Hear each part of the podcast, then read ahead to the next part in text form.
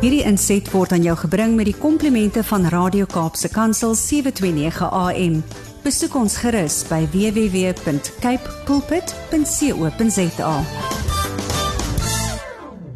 Goeiedag en baie welkom weer by die program Markplek Ambassadeurs, die program van CBC Suid-Afrika hier op Radio Kaapse Kansel en CBC Christian Business Men's Connection, wêreldwye bediening wat daarin toegewy is om um, sakepersone by die Here Jesus uit te kry en hulle dan ook toe te rus as ambassadeurs en volgelinge van Christus.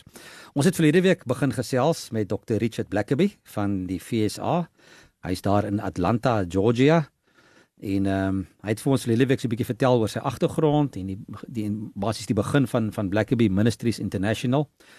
En ja, hy het ingestem vir nog 'n program. So ons gesels vandag verder. Uh, Richard, welcome back. Oh, it's good to be with you.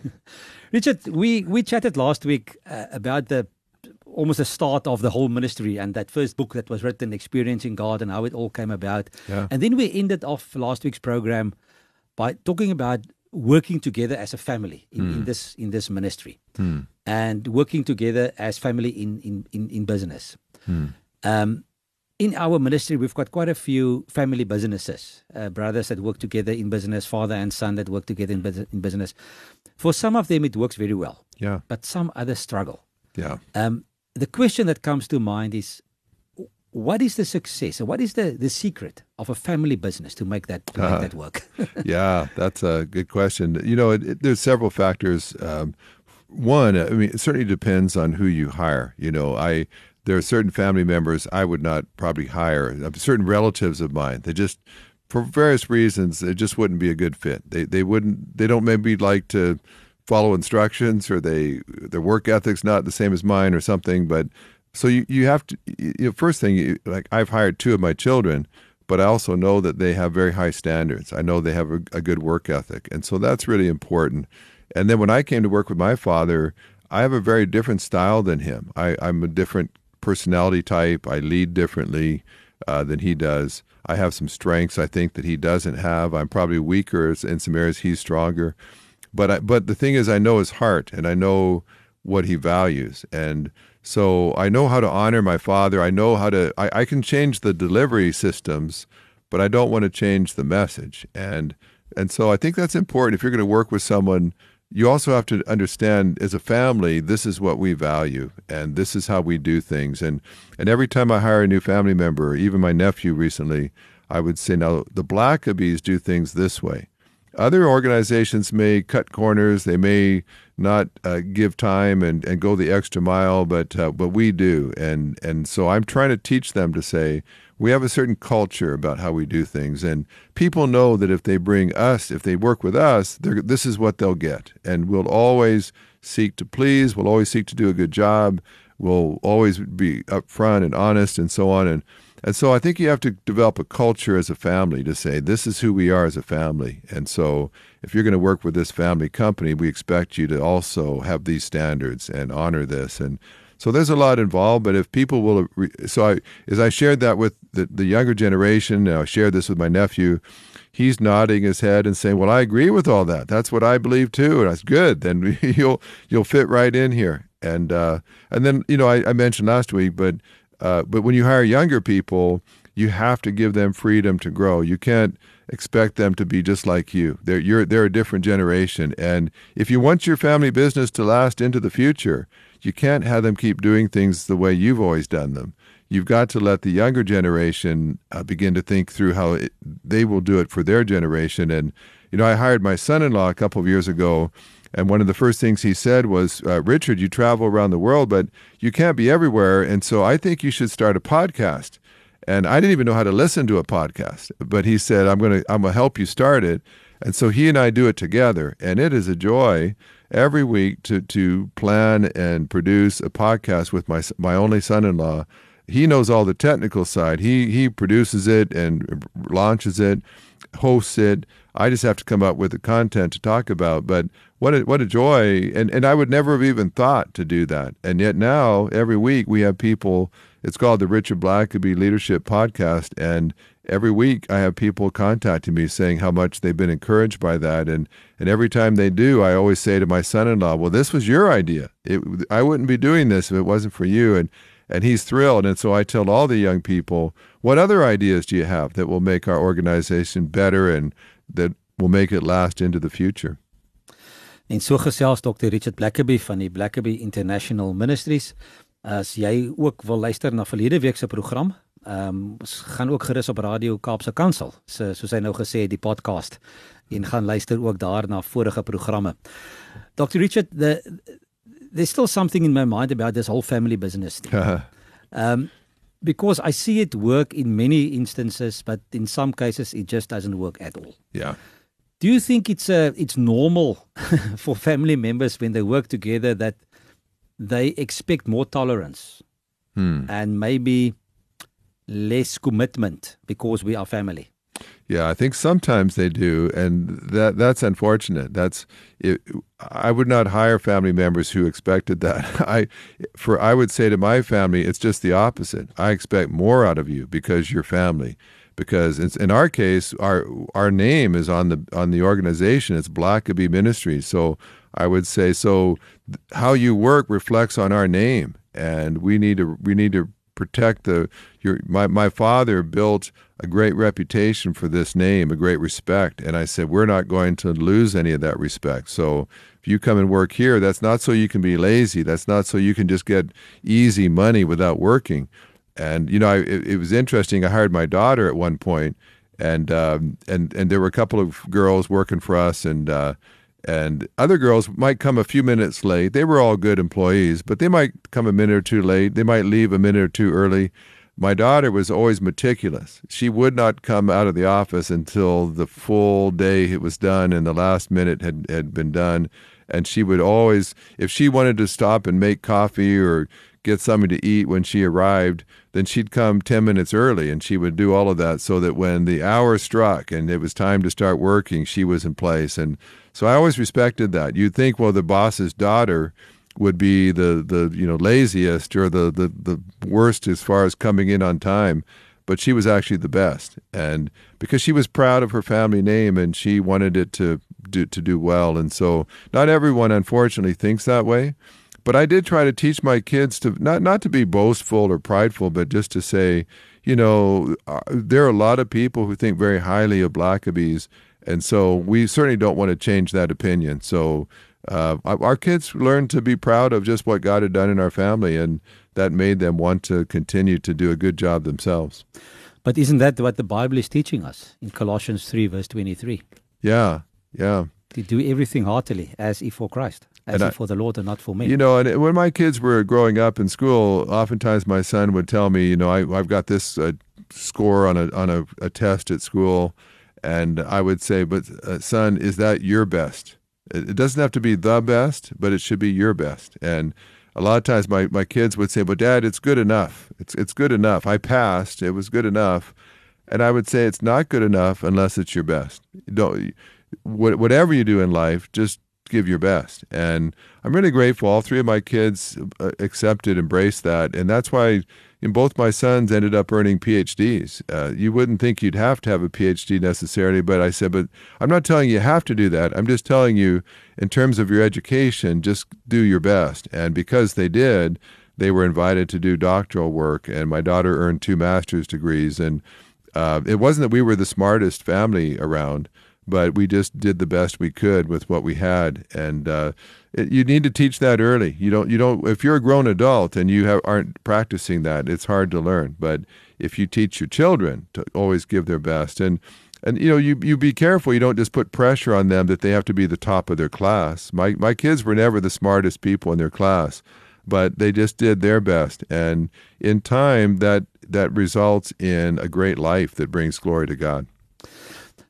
Richard, do you see a difference in the in the different generations, from your father to yourself to your kids and your grandkids, um, in commitment in general? Not not in your family necessarily, but but was there is there a tendency of of getting less and less committed in in mm. work and a bit more slacking like like they've been in the previous generations? You know they they they look at things differently. And so you know my generation looked at some things differently than my father's. Uh, you know my father's generation if you felt called by god it was almost as if uh, you i know a lot of that generation that neglected their families because well i'm serving god and i have to go here and I have to go there. And if you were a minister you might be sitting down to have dinner with your family. And if someone from the church called you just picked up the phone and you left and you left your family didn't even finish your meal.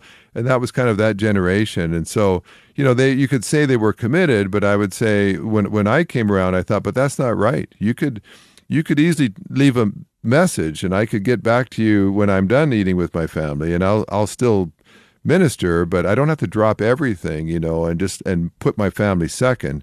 Uh, and so you know i felt like okay i'm a little different but I think maybe that's I'm, I'm maybe I'm being wiser. Uh, a, a, lot of ministers in my father's generation lost their children. Their children walked away from the church, and because they saw that, and mm. but uh, and so then you know my children look at me and they think they could improve on me and what I did, and uh, and you know they're they're very good parents and they have good families, but they love the Lord as well.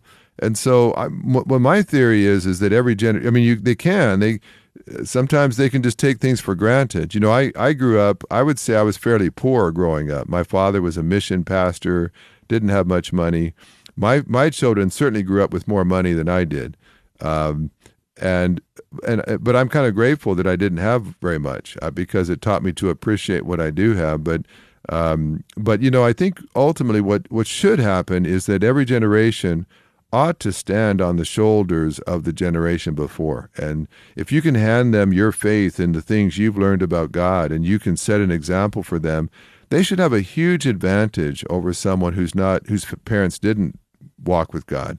And so every generation I think ought to be more committed, more faithful, more knowledgeable about God because they've had so much passed down to them if they'll embrace it, if they'll accept it.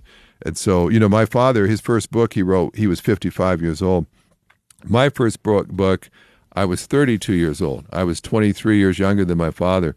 But but my boys' first book they wrote when they were about 20 years old. So they beat me by 12 years. And I joke and say my grandchildren will still be writing books when they're preschoolers at this rate. But I just feel like that should kind of happen. You keep building on the generation before you. You should get a faster start at things because things your parents and grandparents learned, they share it with you so you don't have to learn it the hard way. You can just receive it and then get moving from there. If you have to write a script for your father's tombstone one day, what will that be? You know, years ago, uh, he was speaking at a meeting, and um, and and people wanted to honor my father, and they and so the the host who was going to introduce my father, said, Henry, how do you want me to introduce you? You have about five honorary doctor's degrees. You've written over 40 books. You, you, you have spoken to, to five different American presidents. You, what all do you want me to list? I mean, what, what should I? There's, you've done so many things. I'm, I'm afraid I might miss something in my introduction. What should you? What should I say? And my father had said, "Say this. Here's Henry Blackaby, a servant of God." And that and they said, Well, if that's all you want to say, he's my father said, What more could you say? That I'm a servant of God. Mm-hmm. And um, and and that could well be what uh, was put on his tombstone. How would you like the world to remember you one day? Well, that wouldn't be a bad thing either, would it? Uh, to be a servant of God, and uh, and I, I, would not be remembered as being perfect. My parent, my children could tell you lots of faults of me, but you know, I think all my my children though would say, "But our Father sought to serve God to the very best of his ability. Mm. And uh, and I don't know, uh, you know, there, God's given me some successes. I've had some failures. Um, but at the end of the day, I just want to know that I, I was pleasing to my master, and I took what I was given. I others have been given a lot more than me, but what I was given, I was found faithful. What do you think, uh, uh Richard? Uh, if we talk about business as well, uh, what is the the biggest and the greatest legacy a Christian businessman can leave to his family? I think their faith. Uh, you know, I, I know I know people that literally have earned hundreds of millions of dollars, have built companies. I knew a man in, in one year his his he owned the company and it had earned four hundred and fifty million dollars. Uh, but the man's daughter committed suicide. And I know another man, he grew a company to, to be worth billions of dollars, but his daughter was addicted to drugs and couldn't couldn't quit the addiction. And and, and many that uh, became very successful business people, but their their children rejected their faith and and said, "I'm an atheist. I don't believe in God." And so I would say that your greatest legacy is that your family loves your Jesus and follows him just as much or more than you do. You know, I, I there was a man one time. He was a very high level CEO, made a lot of money, and when he retired he was fooled into investing most of his money into a company that and but the partner was uh, a, a, charlatan. He he he he squandered the money he fled the country and left this poor man to have to pay all the bill he lost all of his he had a big retirement and he lost it all. And he literally they were coming to, to take his car away because to try to pay off the debts and they weren't even his debts but he was he was obligated for it and he felt like a fool. I mean, a year, his whole life of of earning money, successfully leading, and now he, he they're trying to take his car away, uh, and he was just telling me how how bad things were. And I finally I said to him, "Well, tell me something." I said, "How's your wife been through all this?" And he said, "Oh, my wife is a saint. She has." prayed with me. She loves me. She even when I, we were rich, when we were poor, she's loved me just the same. And I said, "What about your kids?" She said, "He said, well, one of my kids is a pastor, one's a missionary, and the third one lives nearby, and she loves me so much. She checks on me all the time, makes sure I'm okay, and she loves God." And and I said, "You know." It sounds like you have a wonderful life. And I said, I know lots of wealthy people that are on their third and fourth marriage, that their children don't walk with God, their children don't love their father. I said, all the things that really matter, you have got an abundance of love, faith in God, a wholesome family, joy in your home. I said, you just have lost some money at the time. But I said, the things that matter, you, you have greatly. And so I would say, as a business person, if you've got a huge home, but none of your family walks with God, or they don't want to be around you, they don't, they don't enjoy spending time with you, uh, they don't bring the grandchildren around then uh, you, you've not been nearly as successful as you might think you have been. Thanks Dr Richard for those wise words. En so gesels Dr Richard Blackaby hier op ons program Markplek Ambassadeurs op Kaapse Kansel. Ons het weer aan die einde gekom van vandag se program. En as jy na die vorige opname van Dr Richard wil luister wat ons verlede week gedoen het, gaan gerus ook na Radio Kaapse Kansel se webwerf, gaan na die skakel wat sê Markplek Ambassadeurs en gaan soek net daar vir Dr Richard Blackaby. Ons sal sy programme ook daar laai soos al die ander programme uh, in hierdie reeks. Dr Richard, thank you so much once again. Oh, and great. um if you're available, I would like to chat to you once more next week. I'll be glad to. Thank you. Ons groet julle tot volgende week. Totsiens. Hierdie inset was aan jou gebring met die komplimente van Radio Kaapse Kansel 729 AM. Besoek ons gerus by www.cape pulpit.co.za.